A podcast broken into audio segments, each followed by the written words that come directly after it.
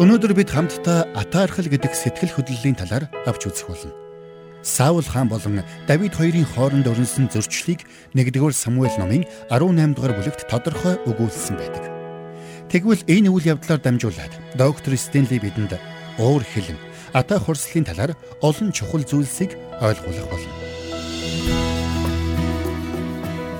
Саул хаан Давидэд атаархсандаа түүнд хорсож түүнийг хөнөөхөр жад шидэж байсан гэдэг.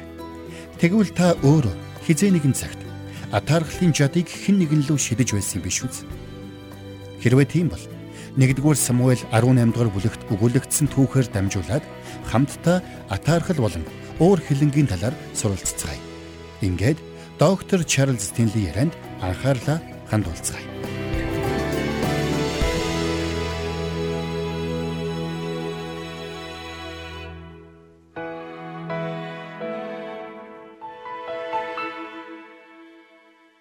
Бидний амьдралын ямар ч ололт амжилт үргэлж эхлээд бидний зүрх сэтгэл, оюун санаанд хүсэл тэмүүл болон бүрлэдэг юм.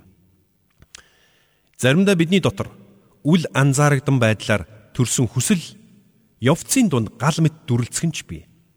Хэрвээ таны дотор ямар нэгэн дүрлцсэн халуун хүсэл байгаа бол үүнийгээ хийж чадна гэсэн бат итгэл байгаа бол мөн үүнийгээ тууштайгаар хэрэгжүүлэх төсвөр төвчээр байгаа бол та амьдралдаа маш олон зүйлд хүрч чадна гэдэгт би итгэлтэй байна. Угтаа бол хүсэл гэдэг нь Бурханаас бидэнд өгсөн бэлэг юм. Харин бид юу хүсэх вэ гэдэг нь л бидний өөрсдийн сонголт юм.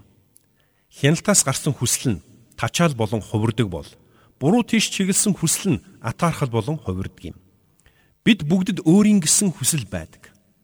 Бид бүгд л сайн сайхан амьдрахыг хүсдэг. Бид ямар нэгэн зүйлийг худалдаж авахыг өөрийн болгохыг хүсдэг. Бид өөрсдийн хийж буй ажил хөдөлмөртөөгөө холбогдуулан олон зүйлийг хүсэж мөрөөдж байдаг юм. Бид албан тушаал ахих, цалингаа нэмэгдүүлэхийг, нэр хүндээ өсгөхийг хүсэж байдаг юм. Энэ мэтчлэн бидний хүн нэг бүрийн дотор хүсэл тэмүүлэл бий. Тэдгэрийн зарим нь Бурханаас ихтэй байдаг бол зарим нь биднээс өөрсдөөс минь ихтэй байдаг юм. Үнэндээ аливаа зүйлийг хүсэж тэр зүйл тэмүүлнэ гэдэг буруу зүйл биш ээ. Хамгийн гол нь тэр зүйлээ бид Бурхны тогтоож өгсөн хим химжээний дотор Бурханаас бидний амьдралд хандсан хүсэл зориг дотор нь хязгаарлан барьж чадаж байна уу үгүй юу гэдэг нь л хамгийн чухал байдаг юм. Сонирхолтой нь Библиэд атаархлаасаа болоод амьдралаа сүрүүлсэн нэгэн хүний түүх бичигдэн үлдсэн байдаг. Тэр хүн бол Саул.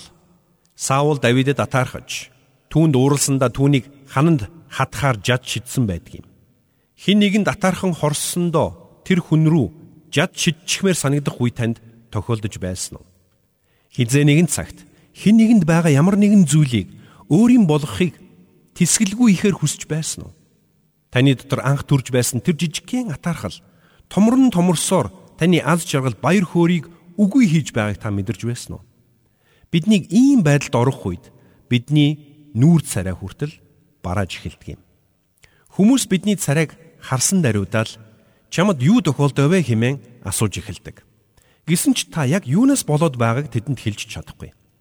Учир нь хүмүүс бид санаа зовниж байгаагаа, эсвэл уурлаж байгаагаа, эсвэл айж байгаагаа бусдад хүлээн зөвшөөрж илэрхийлж чаддагч харин атаархаж байгаагаа хүлээн зөвшөөрөх хамгийн дургүй байдаг.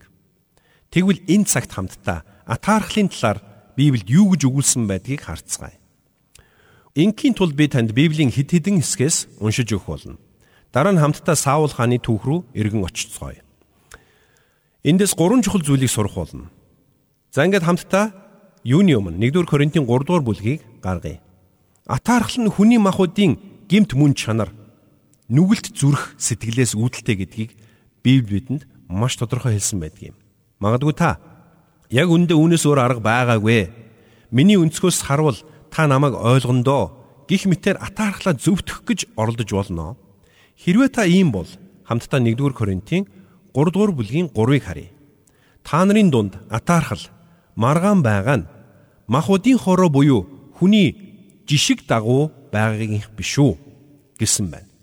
Илч Паул энд юу гэж хэлсэн байна вэ?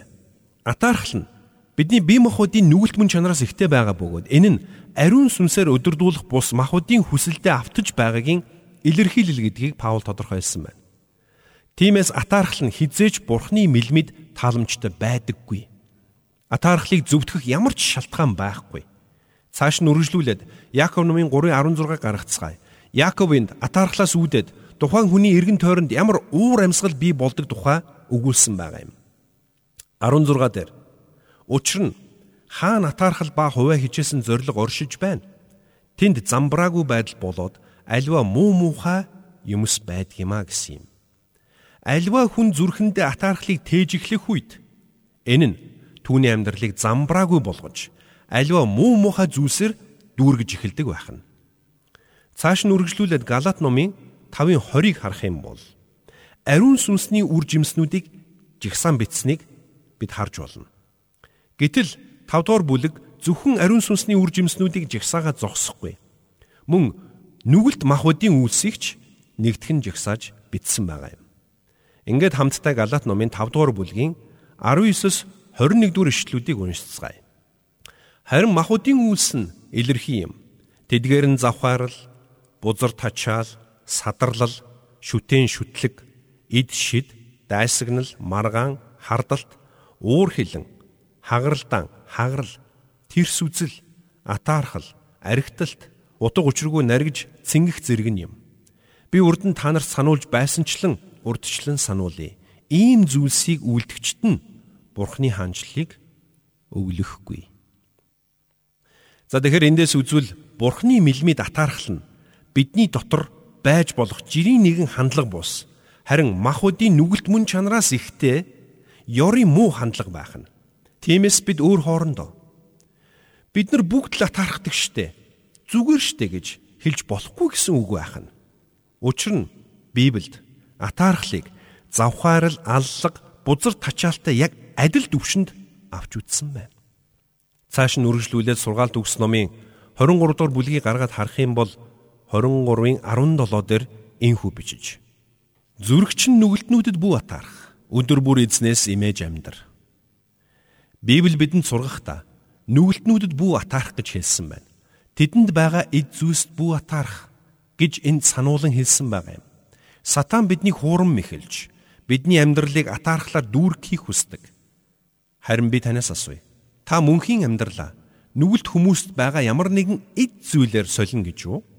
Та өөрт байгаа мөнх амиа нүгэлт хүмүүсийн албан тушаалаар эд хөрөнгөөр эрх мэдлэр солихыг хүсэн гэж юу? Би лав солихгүй. Тэгвэл бидний зүрхэнд атаархал хэрхэн бий болдог юм бэ? Үүнтэй холбогдуулаад би танд нэгэн чухал зүйлийг хэлж өгмөр байна. Бидний атаархалд төсөөлөл нь маш онцгой үргийг гүйцэтгэдэг. Үнэн дээр ихэнх тохиолдолд атаархал нь ямар ч утга учиргүй зүйлээс эхэлдэг гэдгийг бид санах ёстой. Заримдаа бид өөрсөдтөөгөө ямар ч холбоогүй зүйлээс болж атаархалд автдаг. Заримдаа бид огт байхгүй зүйлээс болж атаархалд автдаг. Заримдаа бид үнэхээр хөгийн бидний байдаг, оршин байдаг гэдгийг ч огт мэддэггүй хүмүүст хүртэл бид атаархаж явдаг. Тэр бүхэл бидэнд огт хүртээлгүй зүйлээс болоод бидний зүрх атаархалд автаж байдаг. Өөрөөр хэлбэл бидний дотор атаархал төрөхөд бидний төсөөлөл маш онцгой үүргийг гүйцэтгэдэг байх нь. Хэрв та урд өмнө хин нэгэнд атаархаж байсан бол тэр атаархлаа хэрхэн илэрхийлж байснаа санаж байна уу? Бид хин нэгэн хүнд байгаа эд зүйлс эсвэл тэр хүний байгаа байдалд атаархах үед бидний дотор ямар муухай тааламжгүй мэдрэмж төрдгийг та санаж байна уу? Улмаар бидний атаархал биднээс илрэн гарахдаа бидний амьдралд зүсэн бүрийн муу муухайг дагуулж байдаг шүү дээ. Бид тухайн хүнд байгаа зүйлсийг өөртөө байгаагаар төсөөлж эхлэх үед бид тухайн хүнд байгаа зүйлсийг өөртөө байгаагаар төсөөлж эхлэх үед яаж хийж байгаад л тэр хүний оронд очихыг хүсэж эхэлдэг юм. Улмаар бид тэр төсөөлөл хүсэлтэд автан тэр хүнийг унгааж түүний байранд очих гэж зүсэн бүрийн арга сөвгчлэн эхэлдэг юм. Гэтэл бид эрүүл ухаанаар бодож эргэцүүлж эхлэх үед үнэндээ тэр хүний оронд байх тийм ч таатай зүйл биш болохыг ойлгож эхэлдэг шүү дээ. Тиймээс өөрийн төсөөллөө хай. Хэрвээ диавол таныг өргөтөж таны төсөөллийг бурхны хүслээс гадуурх зүйлс рүү хөдөлж эхлэх юм бол нэг л мэдхэд та зүсэн бүрийн бүдэг бүтэхгүй зүйлсийг төсөөлж эхэлсэн байх болно. Гэвч энэ нь эцсийн дүндээ танд илүү их гай зовлонгол авчрах болно. Гэтэл үнэндээ тэр атаархаж буй бүхэн чинь тийм ч чухал эсвэл үн цэнтэй эсвэл үндслэлтэй зүйл биш байх болно. Тиймээс бид атаархаж байна гэдэг нь бидний төсөөлөлд асуудал үүссэн байна гэсэн үг юм. Тэгвэл хүмүүс юунд атаархдаг юм бэ? Миний бодлоор хүмүүс дараах гурван зүйлд атаархдаг. Эхнийх нь хүмүүс бусдын эд зүйлсд атаархдаг юм. Тухайн хүнд байгаа эд зүйлсийн улмаас тэр хүнд атаархна гэсэн үг. Хоёрдугаарт бусдын байр суурь албан тушаалд атаархдаг юм. Би түүний оронд байсан бол гэж тэд атаархдаг. Гуравдугаарт бусад хүмүүст байгаа боломж бололцоонд атаархдаг. Тэр хүний мэдлэг чадвар, гадаад үзмж, байгаа байдалд нь бид атаархаж тэр хүн шиг байх боломжгүйдээ шарлахдаг юм. Тэгэхээр ихэнх тохиолдолд бид дээрх гурван шалтгааны улмаас атаархал давтдаг. Ингээд хамтдаа эхлэхдээ хуваалцаж байсан хуучин гэрээнийхээ нөгөө түүх рүү очицгоё. Та Израилийн анхны хаан Саулыг санаж байгаа бах. Тэр бурхны эсрэг нүглүүлсэн учраас Самуэль түүнд ингэж хэлсэн. Та эзний үгийг үл хэрэгссэн бөгөөд эзэн ч таныг үл хэрэгсэж Израилийг захирах хаан байлгахыг болиулсан билээ гэсэн юм. Энэ маш чухал үг юм шүү. Учир нь хаан ширээнээс буун гэдгээ мэдсэн даруйда Саул хаан эргэн тойронд буй бүх хүмүүсээ сэжиглэх болсон. Тэр антенна босгож өөрийнх нь хаан ширээнд аюул занал учруулж болзошгүй өчүүгэн төдийч болов сэжүүрийг ирж хайж эхэлсэн байгаа юм. Үүний дараа Давид химэх нэгэн хончин хүү тулааны талбар дээр авраг бит дайчин Голиатыг ялан дийлсэн байдаг. Улмаар түүнийг Саул хааны өмнө авчирхад Саул түүнийг ордондоо аваадсан байдаг. Тэгээ Саул хааныг сэтгэлээр унаж тавгүйцэх үед нь Давид түүнд босоо ятаг тоглож өгдөг болсон. Саул угтаа бол Давидын талаар юу ч мэдэхгүй байсан юм. Түүний Голиатыг ялсан гэдгээс өөр зүйлийг Саул мэдэхгүй байсан. Давид шухаалаг байж Саул хааны хэлсэн бүхнийг дуулууртаагаар гүйцэлдүүлж байсан юм. Гэсэн ч Саулын дотор бий болсон атаархал Давидыг Саулын хамгийн том дайсан мэт сэтгэлдлийг Саул төрүүлж орхисон байгаа юм. Тэгвэл би энэ удаад танд атаархалтай холбоотой гурван чухал зүйлийг хэлж өгмөр байна. Та эдгээр зүйлсийг бичээд аваарай. Тэгээд эдгээр зүйлсээр дамжуулаад та зүрх сэтгэлд чинь атаархал нуугдж байгаа эсхийг нягтлж хараарай. Юуны төрөнд атаархал нь бидний дотор буй айдас болон өөртөө итгэлгүй байдлыг илтгэж байдаг юм. Бид хэн нэгэнд атаархаж байна гэдэг нь бидний дотор айдас болон өөртөө итгэлгүй байдал нуугдж байгаагийн илэрл юм. Израилийн эмэгтэйчүүд Саул мянгаыг хөнөөсөн бол Давид түмийг хөнөөлөө химэн дуулалдсан юм. Миний бодлоор энэ нь тийм ч ухаалаг алхам байгаагүй. Учир нь тэд эзэн хаандаа мэдрэмжгүй хандсан гэсэн үг. Тэд хаанд энэ ямар санагдах болоо гэдгийг огт бодож үзээгүй. Гэхдээ гол асуудал нь тэдний зөв бурууд байгаа юм бишээ. Хамгийн чухал нь энэ нь Саулын дотор нүгдэж байсан айцтай, түгшүүртэй, өөртөө итгэлгүй байдлыг өдөөж орхисон юм. Хин нэгэн игэл хүүгийн нэрийг хааны нэрээс дээгүр тавьж байгааг сонссон Саул хаан тавгүцэж эхлэлгүй яах вэ? Хүн бүрл нэгдүгürt байхыг хүсдэг шүү дээ. Тэр тусмаа нэгдүгürt байсан хүн бусдын хойно орох тундургүй байдаг юм. Гэтэл тэр хашгираан дууллууд Саулд нэгдүгürt зогсох байр сууриа алдчихсан юм шиг мэдрэмж төрүүлсэн. Израилийн эмэгтэйчүүдийн нүдэнд Давид химэх хончин хүү өөрөөс нь илүүд харагдах болсон юм шиг Саулд санагдсан. Ингээд түүний дотор атаархал төрж эхэлсэн. Яагаад? Учир нь Саулын дотор айдас өөртөө итгэлгүй байдал нөгдөж байсан юм. Уг нь бол Саул энэ бүхнийг хараад Бурхан талархаж залбирч болох л байсан юм. Эзэн минь ээ, үнэхээр энэ залуу биднийг аварсан шүү дээ. Энэ залууг илгээсэн танд маш их баярлалаа. Манай улсын эмгтээчүүд, олон цэрэг дайчдын ээжүүд Давидын эр зургийг хараад багтаж байна. Би ч бас энэ залуугаар бахархаж байна гэж Саул залбирч болох л байсан. Өөрийнх нь байр суурь ганхашгүй гэдгийг мэддэг хүн хизээч эргэн тойрондоо байгаа хүмүүсийн ололт амжилтад атаархаж жөтгөрөхөдөггүй юм. Харамсалтай Саул ийм байж чадаагүй. Би дахин хэлье. Атаархал байна гэдэг нь тэр зүрхэнд асуудал байсны илэрхийлэл юм. Та хүнд ч ямар ч шалтгаанаар атаархсан байх хамаагүй. Гол асуудал цаад хүнд чинь биш. нөхцөл байдалд ч биш харин таны зүрхэнд оршиж байгаа гэдгийг та ойлгох хэрэгтэй. Тиймээс та өөрийн дотор буй атаархалд өөр хэнийг ч буруутгах үндэслэлгүй юм шүү. Хоёрдугаарт атаархал нь итгэвч хүний амьдралаас ёс бус зүйлийг үйлдэхийг өдөөж байдаг юм. Саул юу хийсэн бэ? Давид Саулын дэргэд байхдаа дуулууртайгаар түүнд үйлчилж байсан штэ. Улмаар нэг өдөр Давидыг Саул босоо ятаг тоглож өгч байх үед нь Саул жадаа агсаад Давидыг хананд хатахаар хамаг хүчээрээ жадаа шидсэн байдаг. Саул Давидтай уулзсан анхны өдрөөсөө л Давидыг жадлаж хөнөөе гэж төлөвлөөгүй байсан гэж би боддог. Гисэн ч гинтхэн түүний дотор уур хилэн буцалж тэр жадаа шүүрч аваад хамаг хүчээрээ Давид руу шидсэн. Түүний дотор Давидыг хананд хадаж орхий гэсэн бодол нэгэнд төрсөн юм. Магадгүй та дотроо би лав хизээж ийм зүйл сэтгэхгүй хийхгүй гэж бодож байж болох юм. Гэхдээ хэрвээ атаархлаасаа болоод таны зам байдал өөрчлөгдөж хяналтаа алдан ёс бус алхам хийхдээ хүрвэл та өөрийн хизээж төсөөлж байгаагүй зүйлээ хийх боломжтой гэдгийг санаарай. Учир нь атаархал бидний эрүүл саруул ухааныг үгүй хийдэг юм аа. Атаархал нь бидний дотор хяналтаа алдсан уур хилэнг төрүүлж биднийг санаанд оромгүй үйлдэл рүү түлхэдэг юм. Тиймээс ч Израилийн хүндэт хаан Атлаа Саул ордон дотроо бурхны зарц Давидыг хөнөөхөөр ямар ч эргэлзээгүйгээр жадаа шидсэн юм. Та атаархлаа дотроо удаан хадгалаад явж чадахгүй. Учир нь нэг л мэдхэд та энгийн үед хийхээргүй үйлдэлийг өөрийн мэдлгүй үлдэж эхлэх болно. Учир нь Библи бичгсэнчлэн атаархал нь бидний дотор зүсэн бүрийн ёрын юмуг ургуулж биднийг дотроос маань нурааж байдаг юм. Хамгийн харамсалтай нь таны атаархаж байгаа тэр хүн таныг өөрт нь атаархаж байгааг мэдхэн бүхэл таныг байдаг гэдгийг ч мэдэхгүй явж байж болно. Тиймээс атаархал нь цаад хүнээ гэхээс илүүгээр таныг өөрийг чинь хорлож хөнөөж байдгийг санаарай. Атаархал нь бидний зүрхэнд оршиж бидний зүрх сэтгэлийг дотроос минь идэж ялзруулж сүрүүлж байдаг юм. 3 дугаарт атаархал нь харилцааг үгүй хийдэг. Атаархал нь үнэхээр харилцаануудыг үгүй хийж орхидог юм. Би танд хэлье. Атаархал хамгийн ойр дотны анд нөхдөгч хөндийрүүлдэг. Зүү урах зайгүй байсан найз нөхөд атаархлаас болоод харилцаагаа тасалж байгааг би олон харсан.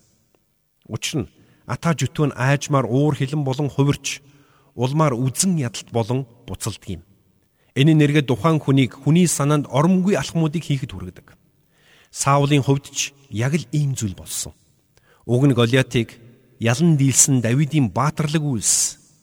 Саулын сэтгэлийг хөдөлгөж Саул түүнийг хөвгүүдийнхээ нэг болгохоор ордонд авчирсан байсан. Ингээ Давидыг ордонд ирэх үед Саулын хүү Йонатан түүнтэй үе зайгүй анд нөхөр бололцсон юм. Тэгэд Йонатан Давидтай анд нөхөр болсноо баталж гадуур дээлээ тайлж өөрийн хуйг дуулга илд нум сум бүсийг Давидэд бэлгэлсэн байдаг. Ийхүү Йонатан Давид хоёр хагцшгүй анд нөхөд болцгоосон. Гэвч Йонатаны аав Саулын атаархал тэр бүх андын харилцааг эвдсэн юм. Саулын атаархал түүний Давидтай харилцах харилцааг нураагаад зогсохгүй. Йонатан Давид хоёрын нөхөрлөлдөж сөргөөр нөлөөлсөн. Жишээ нь та хин нэгэн хүнд атаархчээ гэж бодъё. Тэгэд яах вэ? Хамгийн түрүүнд энэ атаархлыг та ганцаархнаа мэдэж байх болно. Хинч таныг хин нэгэнд атаархаж байгааг эхэндээ мэдэхгүй. Гэсэн ч нэг л мэдхэд та тэр хүнээсээ аажмаар хөндөрж эхлэх болно. Ийхүү тэр хүнтэйгээ харилцах таны харилцаа хүйтэн хөндөй болж эхэлдэг юм. Үүний цаад шалтгааныг тэр хүнч огт мэдэхгүй байж болно. Ийм байдлаар найз нөхөд хоорондоо хөндөрсөн байдаг юм. Гаднаас нь харахад ингэж хөндөрөх ямар ч бодиттой шалтгаан байдаггүй. Гэтэл тэдний аль нэг нь зүрхэндээ атаархлыг тээснээс ийм үр дагавар үүссэн байдаг. Хэрвээ таны зүрхэнд атаархал хуралдаж эхэлсэн бол тун удахгүй таны үг болон үйлдэлээр энэ нь илэрч эхлэх болно. Би хувьда атаархлаас болоод хагцсшгүй сайн анд нөхөд ахан дүүс хүртэл хөндөрөн холдож байсныг харж байсан. Тиймээс атаархал нь бидний харилцааг үгүй хийж байдаг гэдгийг бид ойлгох нь чухал юм. Тэгвэл бид атаархлыг хэрхэн ялан дийлэх вэ? Атаархал нь биднийг дотроос маань устгаж байдаг учраас бид үүнээс аль болох хурдан салах нь чухал юм. эс тэгвээс атаархал бидний гэр бүлийг, бидний нөхөрлөлийг, бидний ажил бизнесийг ч нураах аюултай юм. Атаархал нь бидний итгэлийн амьдралыг ч нурааж, бидний амьдралын талбар бүрийг хордуулах аюултай юм. Тиймээс бид атаархлыг хэдий ч нэ удаан, тэн төдий ч нэ аимшигтай төлөөсийг төлөх болно гэдгээ ойлгох хэрэгтэй. Тэгвэл бид атаархлаасаа хэрхэн ангижрах вэ? Саулын хувьд атаархлаасаа хизээж ангижирч чадаагүй. Эцэст нь үүнээсээ болоод тэр амиа алдсан. Тиймээс бид Саулын амьдралаас ямар нэгэн шийдлийг олж харж чадахгүй. Тэгвэл бид атаархлаасаа хэрхэн ангижрах вэ? Нэгдүгээрт та зүрх сэтгэлд чинь атаархал байна гэдгийг хүлээн зөвшөөрөхөд бэлэн байх ёстой. Энэ нь маш хэцүү зүйл гэдгийг та мэднэ. Мэдээж бид зарим нэг зүйлсийг маш амархан хүлээн зөвшөөрч чаддаг юм. Харин зарим нэг зүйлсийг хүлээн зөвшөөрөхөд үнэхээр хүнд хэцүү байдаг. Яагаад гэдгийг би хэлж өгье. Яагаад гэвэл бид атаархлаа хүлээн зөвшөөрөх нь бүхэл энэ тухай бодохч дургу байдаг юм. Би хин нэгэнд атаархна гэж үү дээ. Яалаа гэж би атаарах юм бэ? Химэн бид мэлцдэг. Тиймээс бид юуны түрүүнд атаархалд автсан гэдгээ хүлээн зөвшөөрөх хэрэгтэй. Та дотроо төрсэн атаархлыг ямар нэгэн өөр үгээр илэрхийлэх гэж эсвэл зөвтгөн цагаатах гэж бүү оролт. Зүгээр л атаархсан гэдгээ хүлээн зөвшөөр. Бурхан минь Би атаархсан юм а хэмээн хүлээн зөвшөөрж бурханд хэл. Хэрвээ болдогсон бол тэр хүнд байгаа зүйлийг өөрийн болгох юмсан. Хэрвээ болдогсон бол тэр хүний байр суурьнд очихсон. Хэрвээ болдогсон бол тэр хүнийг унгааж байгаад ч болов түүний оронд зогсох юмсан. Бид атаархах үедээ ийхүү боддөг юм. Гэтэл энэ бодол биднийг юунд хүргэдэг вэ гэвэл ялзрал, завхрал, хуваагдал эцэст нь үхэлд хүргэдэг. Атаархал бол тэр чигтээ ёрын муу зүйлс гэдгийг бид ойлгох ёстой. Энэ бол махбодын нүгэлт хүсэл тачаал юм. Энэ бол гим нүгэл гүцээ. Тиймээс бид бурхны өмнө гим бурууга байгаагаар нь хүлээн зөвшөөрөх ёстой. Бурхан минь ээ. Би буруу хандлага гаргасан гэдгээ мэднэ л дээ. Гэхдээ би гэж бүү залбир. Та залбирлуудынхаа дунд гихтээ гэж бүү хэл. Ингэж хэлж байгаа бол та тайлбар тавьж байна гэсэн үг. Би танд хэлье тайлбар тавихаа зогсоо. Учир нь гихтээ гэсэн үгийн араас бид заавал буруу зүйлээ зөвтгөх гэсэн тайлбарыг тавьж өргөдөг юм. Гэтэл бурхан биднийг шалтгаан сайн тоочорой гэж хүсдэггүй юм. Тэр бидэнд шалтгаан тоочоод өөрийгөө зөвтгөх чадвал уучлж өршөөё гэж хэлээгүү. Харин гим нүглээ гимших юм бол биднийг цэвэрлэн угаах болно л гэж амласан. Учир нь бид бурхны өмнө атаархлаа гимшээд орхих нь хангалтгүй юм. Харин бид түүгээр зүрх сэтгэлээ цэвэрлүүлж зүрхэндээ бүү атаархлыг үндсээр нь суглуулan ангижруулах нь чухал юм шүү дээ. Тэгвэл бид үүнийг хэрхэн хийх вэ? Би танд хэд хэдэн чухал зүйлийг зөвлөмөр байна. Жишээ нь та ямар нэгэн эд зүйлээс болоод хэн нэгэнд атаархаж ээ гэж бодъё. Өөрөөр хэлбэл хэн нэгний эд хөрөнгөнд атаархсан байна гэсэн үг. Тэгвэл та тэр атаархлаасаа ангижрахын тулд юуны түрүүнд үүнийг бурхны өмнө хүлээн зөвшөөрж гимших хэрэгтэй.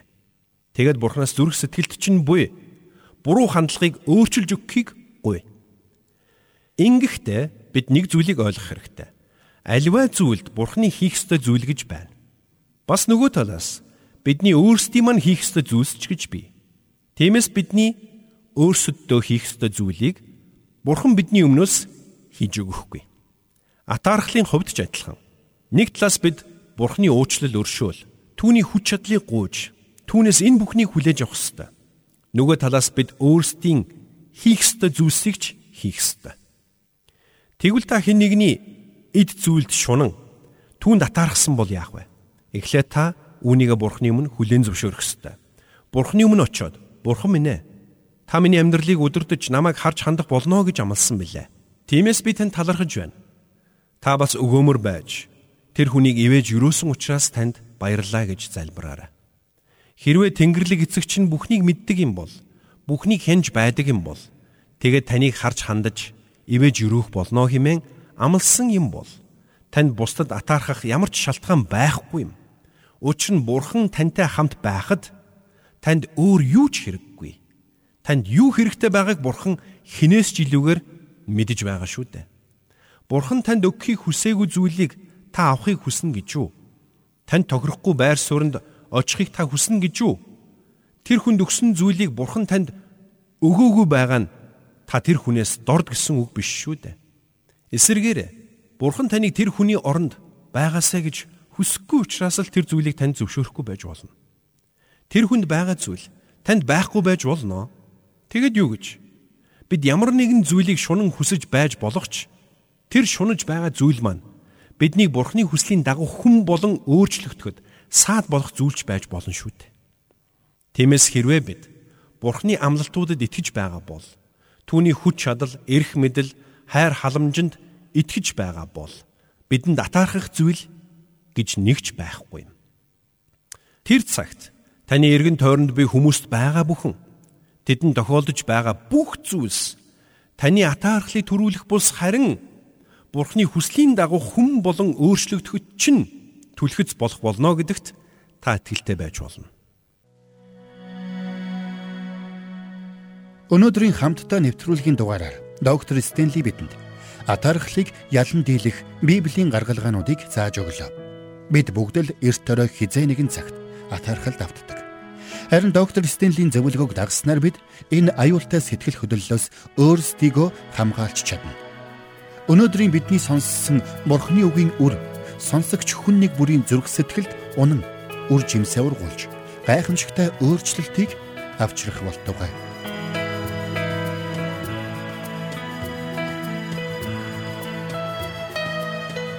Бурханд тэмүүлсэн сэтгэл хүмүүсийг энэрх зөрхөөр амьдрахад туслах номлогч доктор Чарлз Стенлигийн хамттай нэвтрүүлэг сонсогч танд хүрлээ. Нэвтрүүлгийг дахин сонсохыг хүсвэл ихтгэл радиоцик.com-оор зочлоорой.